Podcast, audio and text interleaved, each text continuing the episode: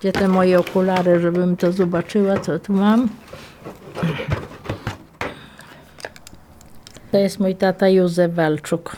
Na zdjęciu. Tak, w wojsku. A to jest jego kolega i to właśnie jego mama dała mi to zdjęcie, mówi, będziesz miała chociaż tyle pamiątki, bo spalone to my nic nie mamy pamiątek. To mówię, to zdjęcie dobrze, że kobieta swego syna tu mi dała, a był portret taki wojskowy, jak myśmy tak gdzie uciekali, to mówił ten braciszek, a to był za szkłem ten portret, a on zawsze sobą dźwigał.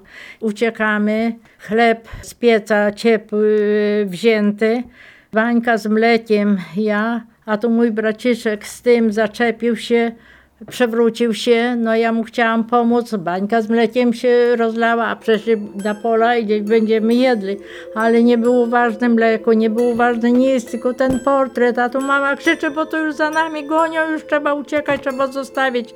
Boże, on jako dorosły człowiek, ile on rozpaczał o ten portret, że on go jednak zostawił.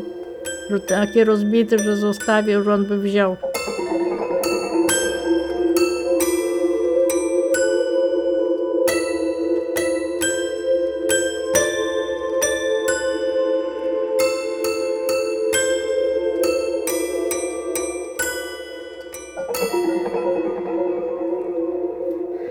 Moje dzieciństwo, ja jak tak pracowałam z dziećmi, to tak patrzyłam na te dzieci. Ja nie byłam dzieckiem, bo ja musiałam być od razu dorosła. Ja byłam dzieckiem, dokąd tata żył, a ja do pierwszej klasy właśnie zaczęłam chodzić. Pochodzę z Malic. Mieszkałam przy drodze, która prowadzi z Werbkowic do Tyszowiec.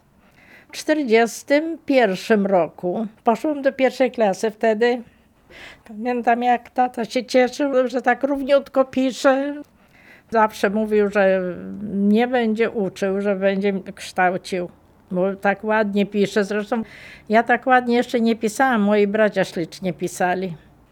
A w 1942 roku w nocy, no to czyli z 1 na 2 lutego, tata został zaaresztowany. I stryjek Stach został zaresztowany i nie tylko ich dwóch. 17 mężczyzn z Malic. Przyjechało gestapo z Chrubieszowa i wszystkich zgarnęli. No i trzymali ich w Chrubieszowie. I jeździłam z mamą. Tata swego czasu chodził tak po wolności, bo taka pompa była przed tym magistratem, że powody, studnie, to zawsze mówili, jak już tak chodzi na wolności, że to niedługo wyjdzie. I pojechałyśmy też z mamą znowu, ale zanim do tego magistratuśmy doszły, mama już tam znała tych z Chrubieszowa, to ktoś tam już dał mamie cynk i zaprowadził nas do takiego domu. No i tam już w tym domu mówią, że ich nie ma już w magistracie, że zostali wywiezieni. Taki był lasek, teraz już jest, tego lasku nie ma, jest zabudowany, a nazywali dębinki i zostali rozstrzelani. To już po latach dowiedziałam się, właśnie sąsiad i jeszcze mój tata był kumem. Młodsze dziecko podawał do chrztu, że sąsiad wydał. Dlaczego wydał? A wiadomo dlaczego? A dlaczego ludzie dla własnych korzyści? Ja tu mówię, że jakoś tak dobrze mnie Pan Bóg wyposażył w to, że ja nie mam nienawiści do obcokrajowców. Bo mówię, podłość jest w każdym narodzie. I jak się tylko okoliczność, przepraszam, nada, to się to zło wydobywa. Z tego, co już w dokumentach można przeczytać, że w 1942 roku na terenie Chrubieszowszczyzny najprężniej właśnie działało AK w Malicach. A dlaczego główny dowódca Stefan Kwaśniewski pochodził właśnie z Malic. On i jego bracia wszyscy byli w partyzance. Ja ich osobiście znałam, bo oni przychodzili i właśnie tak, narada była u stryjka po sąsiedzku. I tu ciągle wtedy babcia do nas przychodziła, bo tam u stryjka no, była narada. I właśnie okazało się, że ten ich właśnie e, wydał. I oni wybyli, jeszcze nikt z Malic nie uciekał, a on z całą rodziną wybył z Malic. Ten, który wydał. Także za bardzo się zaangażowali. I tego i mówię, że poszli do ziemi. Młodzi ludzie. Tata miał 36 lat, a stryjek 42.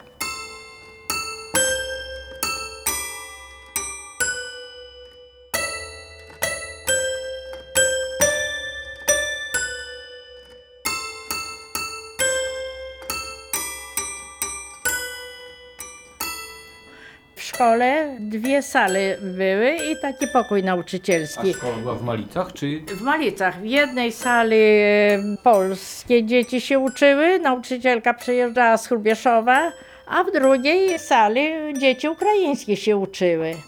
Bawiły się wszystkie dzieci razem, jak mówię, nauczyciel i nauczycielka razem siedzieli w tym pokoiku takim, a my o dzieci też hasaliśmy. A na początku naprawdę wszyscy wzajemnie się odwiedzali, wzajemnie na święta się zapraszali. My w szkole też o tak na boisku szkolnym, no to rozkładane obrusy, takie jedzenie, piesanki. Też nas częstowali, nas nie było, że to jest Polak, a to Ukraińcy, zresztą oni mówili po polsku. Ja też ja umiałam po ukraińsku mówić, a teraz zapomniałam, ale jak nie było nikogo znajomego. Dlaczego? A no nie wiem dlaczego, taki miałam opór. Ale później już właśnie, już tylko ukraińskie dzieci chodziły do szkoły, a polskiej już nie było klasy. Także moja edukacja się skończyła na pierwszej klasie, bo już nie było szkoły. Poza tym no, trzeba było mamie pomagać. Mama rano w pole krowę wzięła, i jak pociąg będzie jechał, bo on jedzie o siódmej, to ja, żebym wtedy do pola przyszła, ja będę krowę pasła i coś tam robiła, a ona wróci, żeby znowu coś ugotować. I, także ja już nie byłam dzieckiem, ja już musiałam pomagać i pracować, także to się skończyło. Później nam Niemcy zabrali krowy bo kazali wszystkie krowy na spęd przed szkołą, bo taki duży plac, no i cmokali, machali, a myśmy wypielęgnowali tą krowę i dbaliśmy o nią, bo ona takie dobre mleko dawała, tłuste. No i tak poklepali i zabrali. Mama zemdlała wtedy, bo to przecież jedyna żywicielka. Naprawdę było bardzo ciężko. No ale to jeszcze nic. Tylko najgorszą rzeczą było taki niespokój. Dopiero tu, dopiero tu coś się dzieje. Jeszcze słońce nie zaszło, a wieś już jest pusta, nie ma nikogo, wszystko ucieka, gdzie kto może. Nie po dzień dzisiejszy ten uraz został, jak tak na święta, teraz to pandemia, to nie było, ale tak było kiedyś, że tu było prawie pusto. Ja w klatce byłam sama.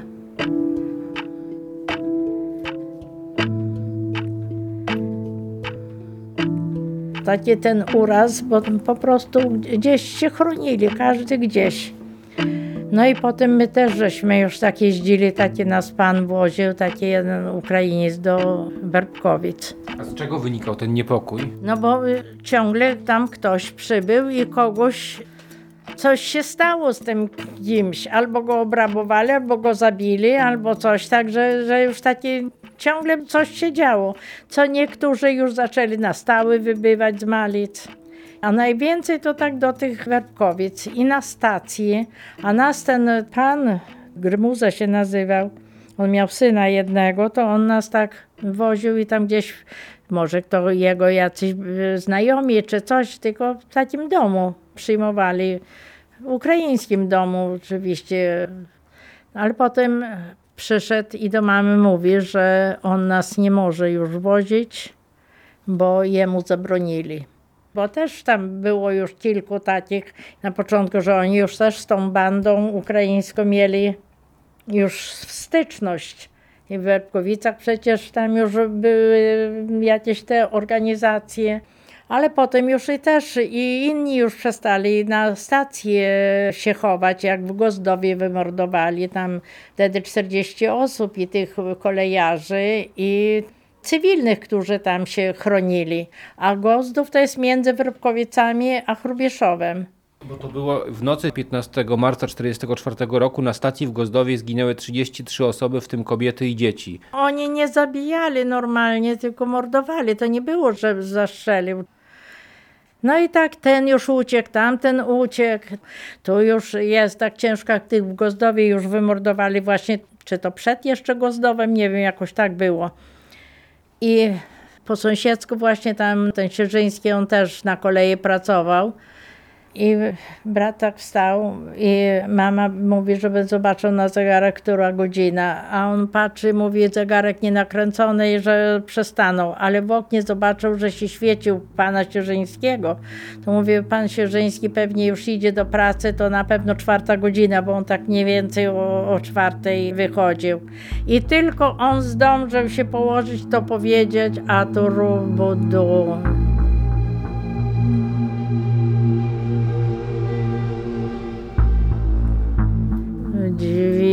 wywalone i te z zewnątrz i tu do mieszkania i z karabinami po mieszkaniu i z latarkami i szukanie. To sobie można wyobrazić, to ja już byłam większa, brat starszy większy, ale ten mały, Wiedzieliście, kto to jest? skąd no tylko tego, to nie mówią, nic wpadli, saniami podjechali. Kilku ich było, nie dwóch, jeden. A oni cały czas latają, bo to już żeśmy tam zamknęli, tylko to już z babcią razem, bo opał i to jedno. No to otworzyli, oblatali, wreszcie tak po polsku mówi, ale tak zaciąga, że gdzie pani mąż? A mama tak mówi, panowie doskonale wiedzą, gdzie mój mąż. Wychodzą, walą. Tymi karabinami walą i jeszcze bez ramami lecą, bo to takie, no domy, to okna małe. I mama mnie tak przykrywa, ale ja się tak nie dawałam. Od ulicy uderzył raz, uderzył drugi raz, nie leci. Cisza. Babcia niezorientowana, bo babcia już była leżąca, już w ogóle nie wstawała. I latają. I babcia tak, Zosiu, zimno, bo to jest ziąb, okien nie ma, drzwi nie ma i że zamknij drzwi. Mama już nie wytrzymała, mówię, to wstańcie sobie i zamknijcie. I wtedy rubudu już to okno całkiem poleciało, a jakby się tak wstała, nie wiadomo, co by mogło być. No i tak troszeczkę się uciszyło się, mama powoli już pomogła temu małemu i drugiemu ubrać się, ja się już sama ubrałam. No i powoli poszliśmy do tych sierzyńskich tam.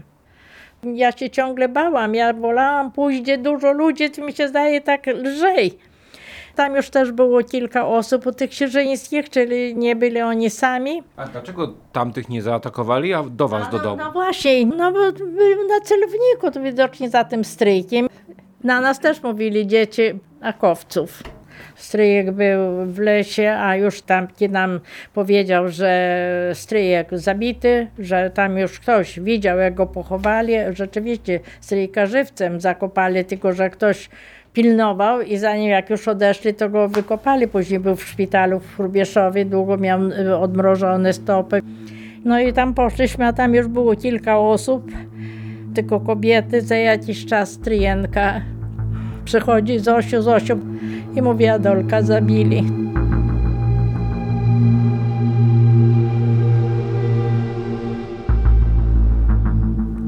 Był kolejarzem stryjek.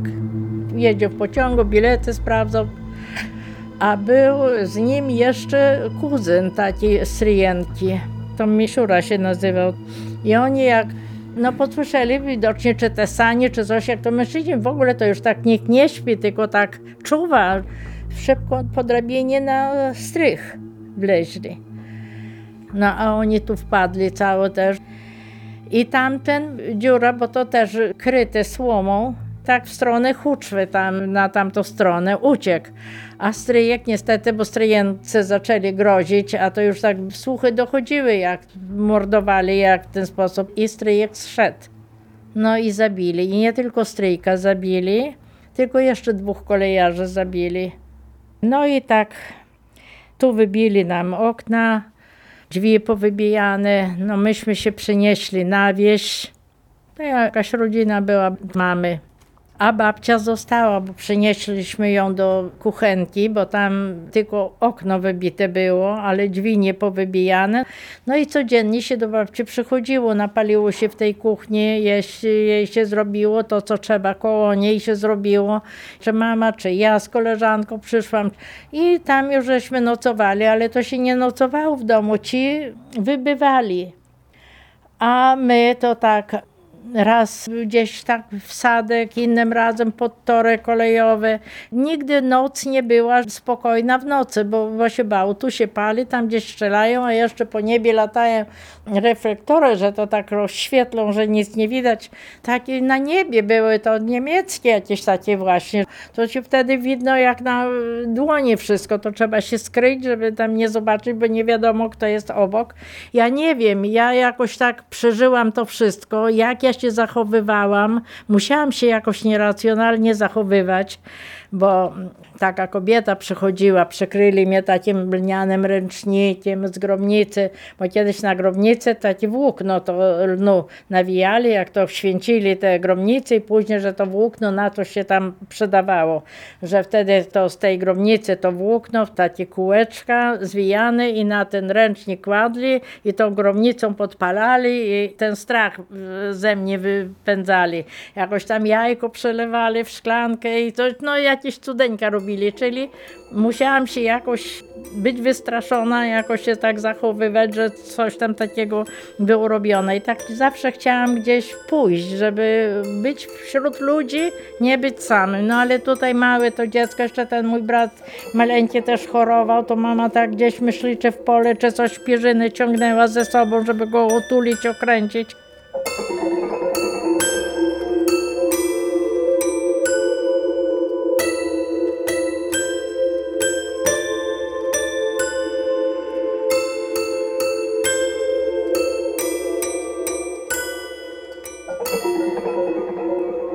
I też takie kozyra Bronisław z dwoma chłopakami. Jeden to był w moim wieku, Zdzicho, a drugi Boguś to w wieku tego małego mego brata.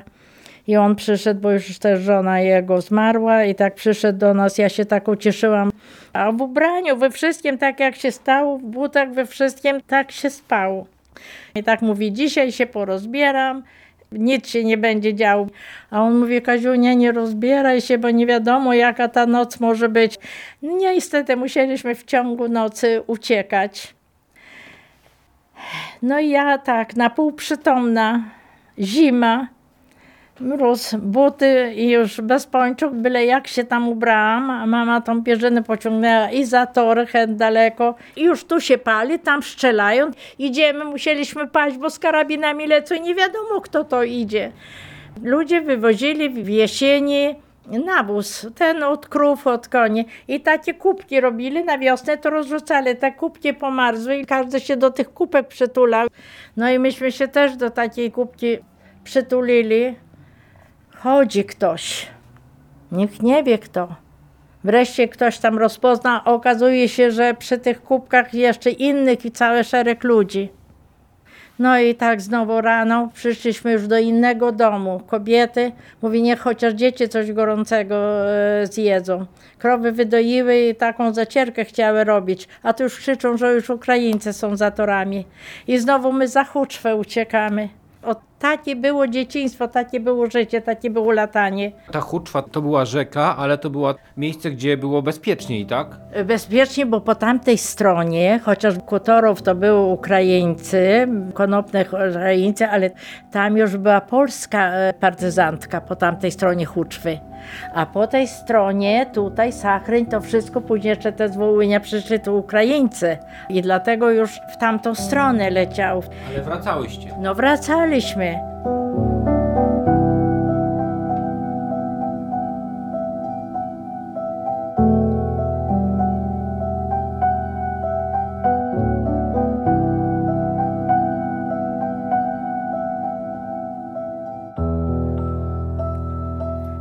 No, ale już znowu jesteśmy w dzień. Jak raz wszyscyśmy poszli do babci. I mama, i my we trójkę jesteśmy. No i tam rozpaliło się, już tak się zrobiło, jakoś taka była No jeszcze zimno było, ale jaka to pora człowiek powinien był zapisywać, ale się nie wie, to był 44 rok. Jeszcze w każdym razie przed tą operacją sachryńską. Czyli przed majem, przed 10-11. Może nawet to było przed Gozdowem, bo to jest tak trudno y, się połapać. I tak byliśmy wszyscy w tym domu. Boże, kochany, taka małyczka przylatuje. To takie starsze małżeństwo było i mieli córkę, Anielę. Ona gdzieś koło 40 lat miała ta Aniela. Była samotna, starsza panna, ale nazywali ją Niuńka. I ta małyczka nie drogą, tylko tak y, przeleciała za budynkami.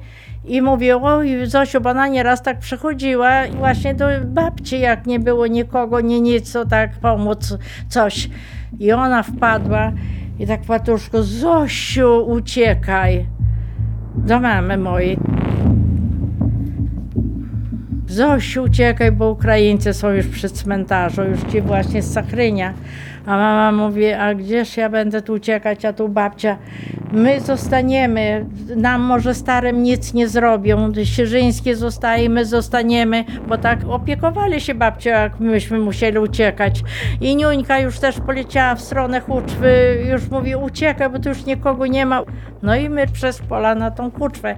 I rzeczywiście czółnem ktoś tam nas przewiózł, a tam już za Huczwą sporo ludzi. Daleko było do tej huczwy Nie, nie tak daleko. Może 500, może 600 metrów. Mama się obejrzała i mówi, Boże, nasz koniec się pali. Czyli tu, gdzie my mieszkamy, nasz koniec się pali, bo to inna część tam to od Werbkowic, a my tutaj przy kościółku w tej części. Tu znowu ta Niuńka też jest zdenerwowana, bo rodzice zostali ci starsi, ta Aniela Małykowa.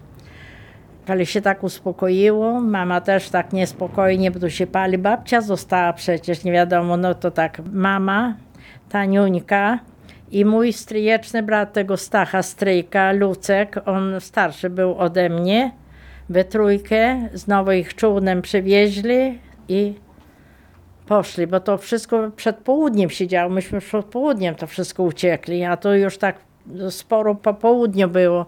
No nie ma ich tu też tak wszyscy z niepokojem oczekujemy, a zwłaszcza już my, trójka nas została. Po jakimś czasie mama wróciła z ludzkiem. Mama ta była ranna, ale draśnięta, tylko była tak przez ramię, a ta niuńka nie wróciła. No i ten już Lucek mówi, co zastali. Tych właśnie małyków i tego pana Sierzyńskiego, no spalone. Nasz ten dom i już części tutaj małyków, tylko te grądzy zostali. Babcia, no jakieś kosteczki są. Jakieś tam kosze gdzieś tam kogoś tam zobaczyli, że te do koszyka pozbierali. Ale teraz szukają, gdzie jest małyki, czyli rodzice tej niuńki i ten pan Sierzyński. Tu w obejściu popalone, ale ich nie widać.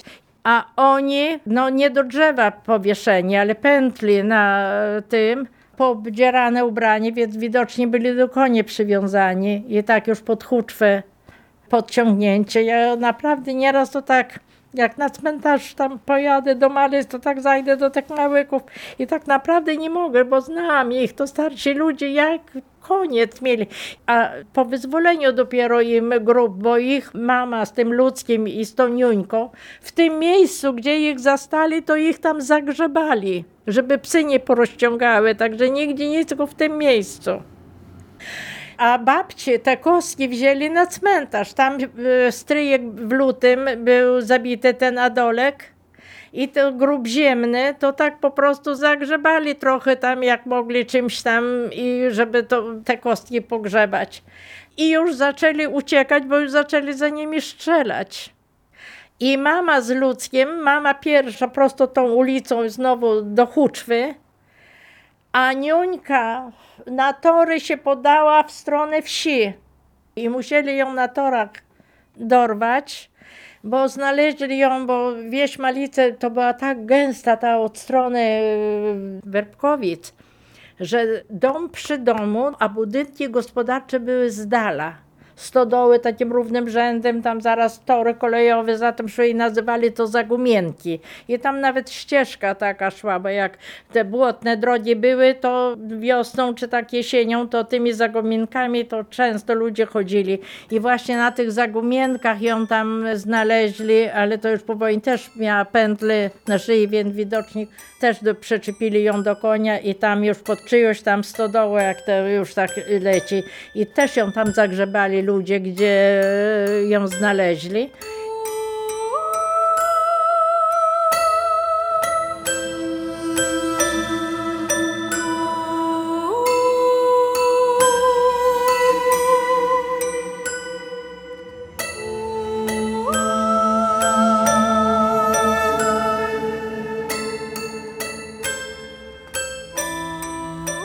No i tak, wszystkie już pouciekali, a my nie mamy gdzie uciec.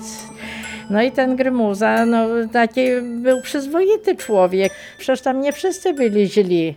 Jeśli chodzi o ukraińskich tych ludzi. I on wtedy jakoś nie wyjechał. Mieli jednego syna. Młodszy był od tego starszego mego brata, ale starszy ode mnie. I on zachorował im bardzo i oni nigdzie po prostu z nim nie pojechali. I ten mały spał i ten mój starszy brat spał, a my z mamą tak żeśmy się kręciły, tak lampa tylko przyćmiona, a tu w szyby buch, buch, buch, buch i krzyczy Zośka uciekaj. A to właśnie ten Krymuza, Zośka uciekaj. Wchodzi dwóch z karabinami, ale się po polsku odzywają. Właśnie Stefan Kwaśniewski przysłał pomoc. No po prostu i oni mamie tłumaczą, że musimy do Choniatycz się dostać, bo oni już stacjonowali w tych lasach koło Tyszowiec. Bo myśmy zostali, już wszyscy pouciekali, już nawet tam taki Ukrainiec, jak myśmy w stogu siana tam siedzieli, on przyszedł szarpać, zobaczył nas i do mamy mówi, Zośka, wy już jesteście naznaczeni, was przejdą i w dzień rozwalą. I mówię, to się nie ukryjecie. A mama mówi, gdzie ja pójdę z dziećmi? I mama mówi, Kazia, tutaj tak szybciutko to, co można w tobołki powiąż, ale jeszcze nie budźmy ani Edzia, ani Kazika, a ja zobaczę, czy Grymuza już przyszedł, bo to tak ludzie wcześniej obrządek robili, już nawet tak po drugiej, już tam w oborze się krzątali. I poszłyśmy z mamą, bo to zaraz tak po sąsiedzku i on jest w tej oborze i mama mówi, że musisz nas zawieźć do Huniatycz. On mówi, jak ja was zawiozę, jak będę wracał, to mnie moi, no, na, żyje go i go rozwalą, nie? Najwyżej was do Kutorowa zawiozę, a to Kutorow zaraz za rzeką, blisko i jeszcze wróci, żeby wrócił, zanim się rozwidnie, dzień będzie, że on już jest w domu. A mówi, tam mam takich znajomych, to może tam z Kutorowa was dalej do Choniatycz zawiozą.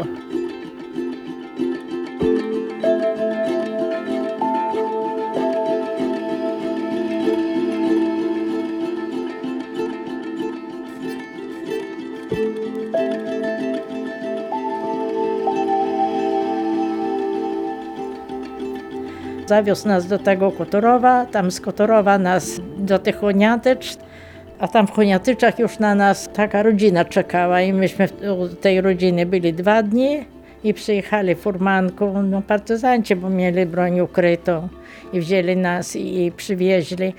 Wioski były z kolei ukraińskie, tam takie Marysin, Perespa i tam chaty puste, bo Polacy nie palili, ale Ukraińcy stamtąd pouciekali, bo tam polska partyzantka była. To w Marysinie bardzo dużo było Polaków, bo w Perespie nikogo nie osiedlili. Jak ja z tym ludzkim, tym stryjecznym bratem kiedyś się przeszłam po tej Perespie, to jest stryjek jak z lasu przyszedł, bo on nieraz tak przychodził, tam to skrzyczał mnie, że nie wolno, że tam mogą siedzieć w domach i mogą was złapać i nawet by o was nie wiedział. A nas umieścili na takiej kolonie. Do Tyszowiec było blisko, bo tak na piechotkę chodziłam. Zielone się to nazywało. Pojedyncze takie domy, pagórki takie były i myśmy u takiego gospodarza. I tam była jeszcze taka druga mama z Reginką, myśmy się tak przyjaźnili. Jej ojciec też był w partyzance A w ogóle w lesie oni mieszkali, w Łycznym. No to ten gospodarz nam odstąpił jedno pomieszczenie i też dzielił się chleb, upiekł. To się podzielił z nami, krowy wydoił po, na jego utrzymanie. Nie tak teraz uciekinierzy są, to im dają datki. Nikt nikomu nic nie dawał. I zaraz po sąsiedzku tam dalej była taka rodzina, już nazwiska nie pamiętam, to była Czesia w moim wieku, bo razem do komunizmu poszły. To już taki wzgórze było, taki lasek.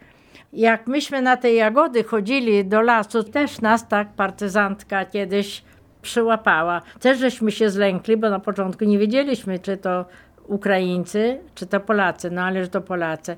Pokazali nam, mówią, że tam bliżej Perespy, żeby tam nie chodzić, bo różnie jeszcze może być. I też powiedzieli, w razie gdybyśmy się natknęli, to żeby uciekać, niech kula w locie trafi, to do dzieci mówili, żeby nie dać się porwać żywcem. Także y, to nie było, że to strzelanie zabity. I ten mój braciszek, ten mały, jak on był taki mały, i tak każdy o tych mordach mówi, może nas tylko zastrzelą.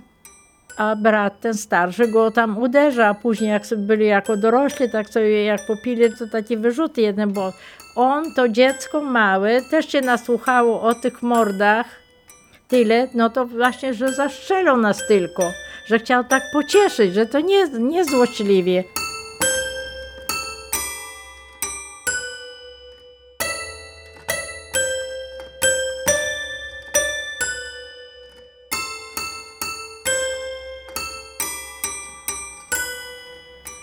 A później to już było pełno Niemców w każdym domu, bo to taka dolinka przy stodole, samochody, czołgi sianem poprzykrywane, tak zamaskowane, bo okazało się, że w tym lesie była też i partyzantka radziecka.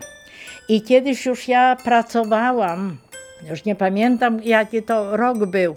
To był w radio taki komunikat, czy ktoś y, mógłby zaświadczyć, czy ktoś tam pozostał, że ponoć Niemcy tak okrążyli i wytłukli tą partyzantkę w tym zielonym, że właśnie cały ten oddział tej partyzantki radzieckiej, no po prostu zginął.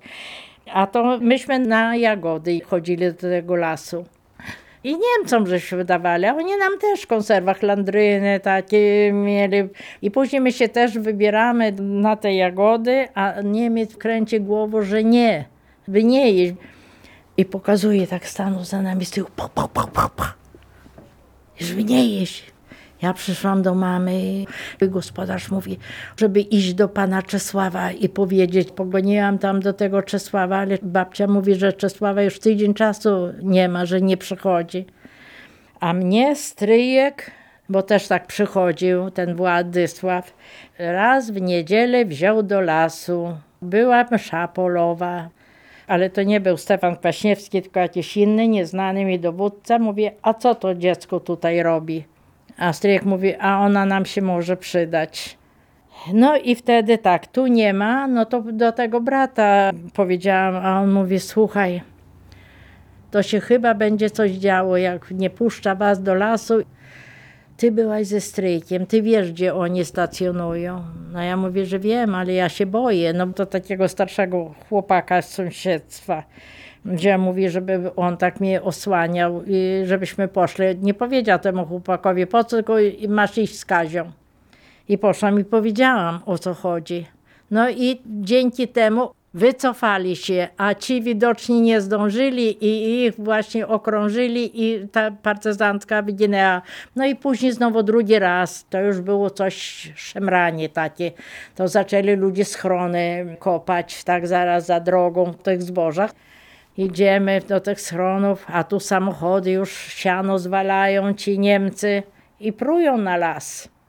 Jeden za drugim, czołgi gdzieś nie wiem jeszcze skąd jadą i na ten las jadą, a my już na tych polach, to schron mały, nie dla każdego tam miejsce jest, to tak żeśmy siedzieli na tych polach, a tu nad tym lasem, Matko Boska, samoloty, nie wiem, jak wrony, walą i walą, i tylko strzały. To niedaleko tak ten las i cały czas.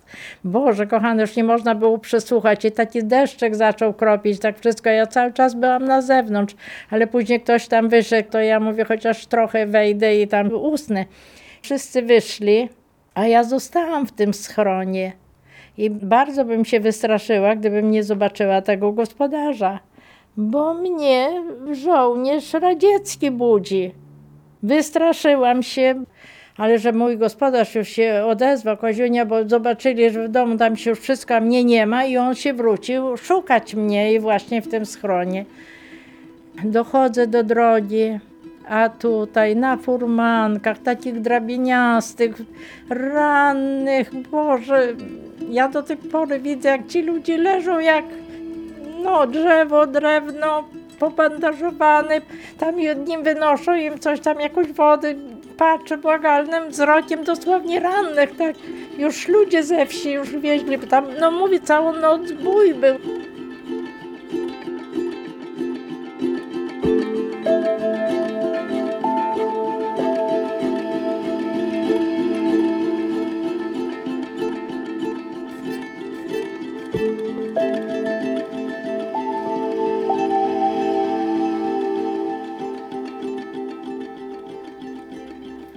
No i później już powoli jak się uspokoiło, zaczęliśmy wracać do tych Malic.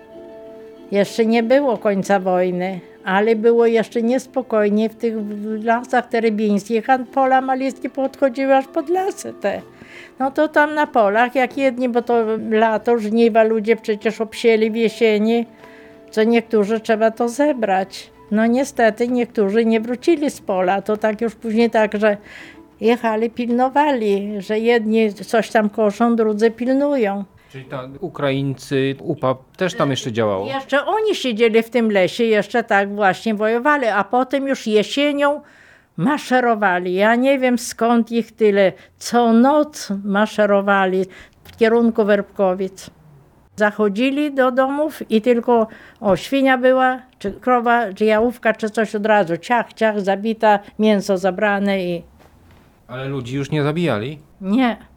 I szli, i szli to umundurowani i wszystko, jak później ci żołnierze, jak przyjechali, tylko oni w zimie przyjechali, to mówię, że te bunkry były tak wyposażone, także to Niemcy ich po prostu też wyposażali, bo to obiecywali im wolną Ukrainę. I potem jak ci bulbowcy tak mm, szli, co mówiłam już całymi i tu gdzieśmy mieszkali, było dwa konie i krowa, i żeby nie zabrali, to ja z tymi końmi i krowami, to dziesięcioletnia dziewczynka do Kotorowa szłam na noc.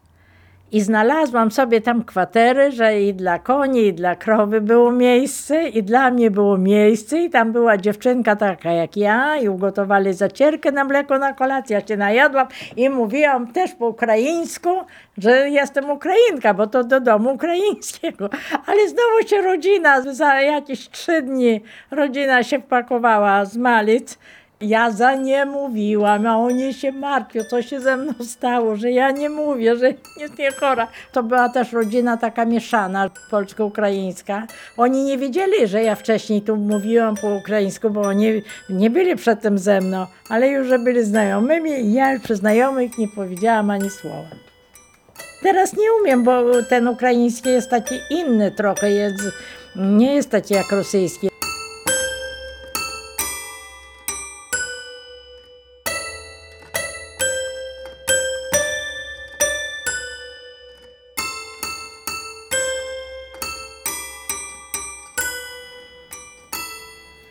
No i mama zaczęła chorować, pokasływać, ale gdzie, nie do lekarza, nie nic, bo to się spociła, wody się napija, bo sama wszystko robi i pole i wszystko ja. Mała dziewczynka, ja ze studni na takich koromysłach, wody dziesięcioletnie dziecko dźwiga, piorę w polu też robię z mama, później już się mama położyła. Kasłała, to się okazało, gruźlica była. No to na tydzień poszła do tego Chrubieszowa do szpitala i tam zmarła. I myśmy zostali sami. Zmarła mama w listopadzie, 11 listopada w 1945 roku. Nas trójka została bez domu, bez babci, bez stryjka, bez nikogo i nikt się nami nie zajął. Tego brata starszego ktoś tam gdzieś wziął do Chrubieszowa, umieścił go w bursi, on chodził do szkoły, a ten mały no, był brat rodzony mamy. Ożenił się z taką wujenką, dzieci nie mieli, niby Kazik y, będzie z nimi. A mnie dali do Turkowic. Do takich ludzi dziecko bawić. Tam było maleńkie dziecko i potem to mnie znowu do Choniatycz, do wujenki mojej, jakaś tam rodzina. Tam gospodarze są, to już tam poszłam, ale ja w takiej przybudówce, przy obórce takie mam spanie. Mają oni córkę, ale troszeczkę tylko się zazieleniło, już trzeba było te krowy na pastwisko wyganiać. Ich córka chodzi do szkoły, a ja te krowy wyganiam na bosaka, Boże, nogi podkulone, bo to szron jeszcze na trawie. I modlę się, żeby tam krowa w trawę komuś nie weszła w szkodę, bo wtedy muszę iść po tym zimnie dzieci inne, jak po południu już te krowy pasy, te ze wsi mówią, bo oni mówią, że oni mnie wyślą do szkoły czy coś, to mówią, słuchaj, oni ciebie wcale nigdzie do szkoły nie wyślą, bo oni są tacy, tak jak to tam mówią, że są zakładni. Ich córka chodzi do szkoły, ja nie chodzę i, i śpię, no mówię, tak dosłownie przy krowach. I tak się tułałam. I teraz właśnie też mam taki żal w ogóle do ludzi, do czegoś, nie wiem do kogo. Zamiast mnie do szkoły wysłać, to ja tu dzieci. No i też krowy pasę, a dom dziecka jest tak blisko. I przyszedł chłopiec, który był w Turkowicach, Czesio Gnyb. A w Turkowicach siostry prowadzą dom dziecka. To służebniczki Najświętszej Marii Panny. Mówi się o nich siostry Edmundowe, bo ten hrabia Edmund był takim człowiekiem bo, bogatym, a przy tym chory, bo może jakby był zdrowy, to inaczej by może pożytkował ten majątek, a on właśnie w sierotami, w sierocińcy zakłada i no i poszukiwał dziewcząt do pracy. I założył właśnie takie zgromadzenie i takich często nazywają siostry Edmundowe albo siostry starowiejskie, służebniczki Najświętszej Marii Panny. No tam kilkaset dzieci było przecież. Tam było ponad 300, tam był duży dom. I opowiada mi o tych Turkowicach. Czesio Gnyb. Tam dzieci chodzą do szkoły, uczą się, jak to się dobrze uczy, to wysyłają siostry do Lublina albo dalej. No i jak mi tam już tak naopowiada, to już mi takiego apetytu narobił. I pozbierałam wszystko i wyszłam z wioski. I ja przez ten las poszłam do Turkowic. I poszłam do siostry przełożonej, bo tak on mi już wytłumaczył wszystko, że siostra przełożona to jest taka przystępna, że w ogóle, no i ja tak już tą myślą tak nazbierałam, jak byłam zawsze taka nieśmiała, to tutaj się tak zbudowałam, że jednak poszłam do siostry przełożonej. A pani czuła się szczęśliwa wtedy, jak Ja byłam bardzo szczęśliwa. Ja jak się obudziłam na łóżko, jak spałam, to tak patrzyłam w sufit i mówię, Boże, jak ja się nie muszę martwić. Ja mam łóżko, a przyniosą, co przyniosą, to jest jedzenie, z głodu nie umrę, się nie będę martwiła, co ja zrobię i ja chodzę do szkoły. Także ja, mimo tych obowiązków, to ja miałam dom, bo siostry po prostu się wspomagały dziewczynkami. A ja byłam nauczona już w pracy, to ja znowu nie traktowałam to jak niewolnictwo jakieś. To był prawdziwy dom.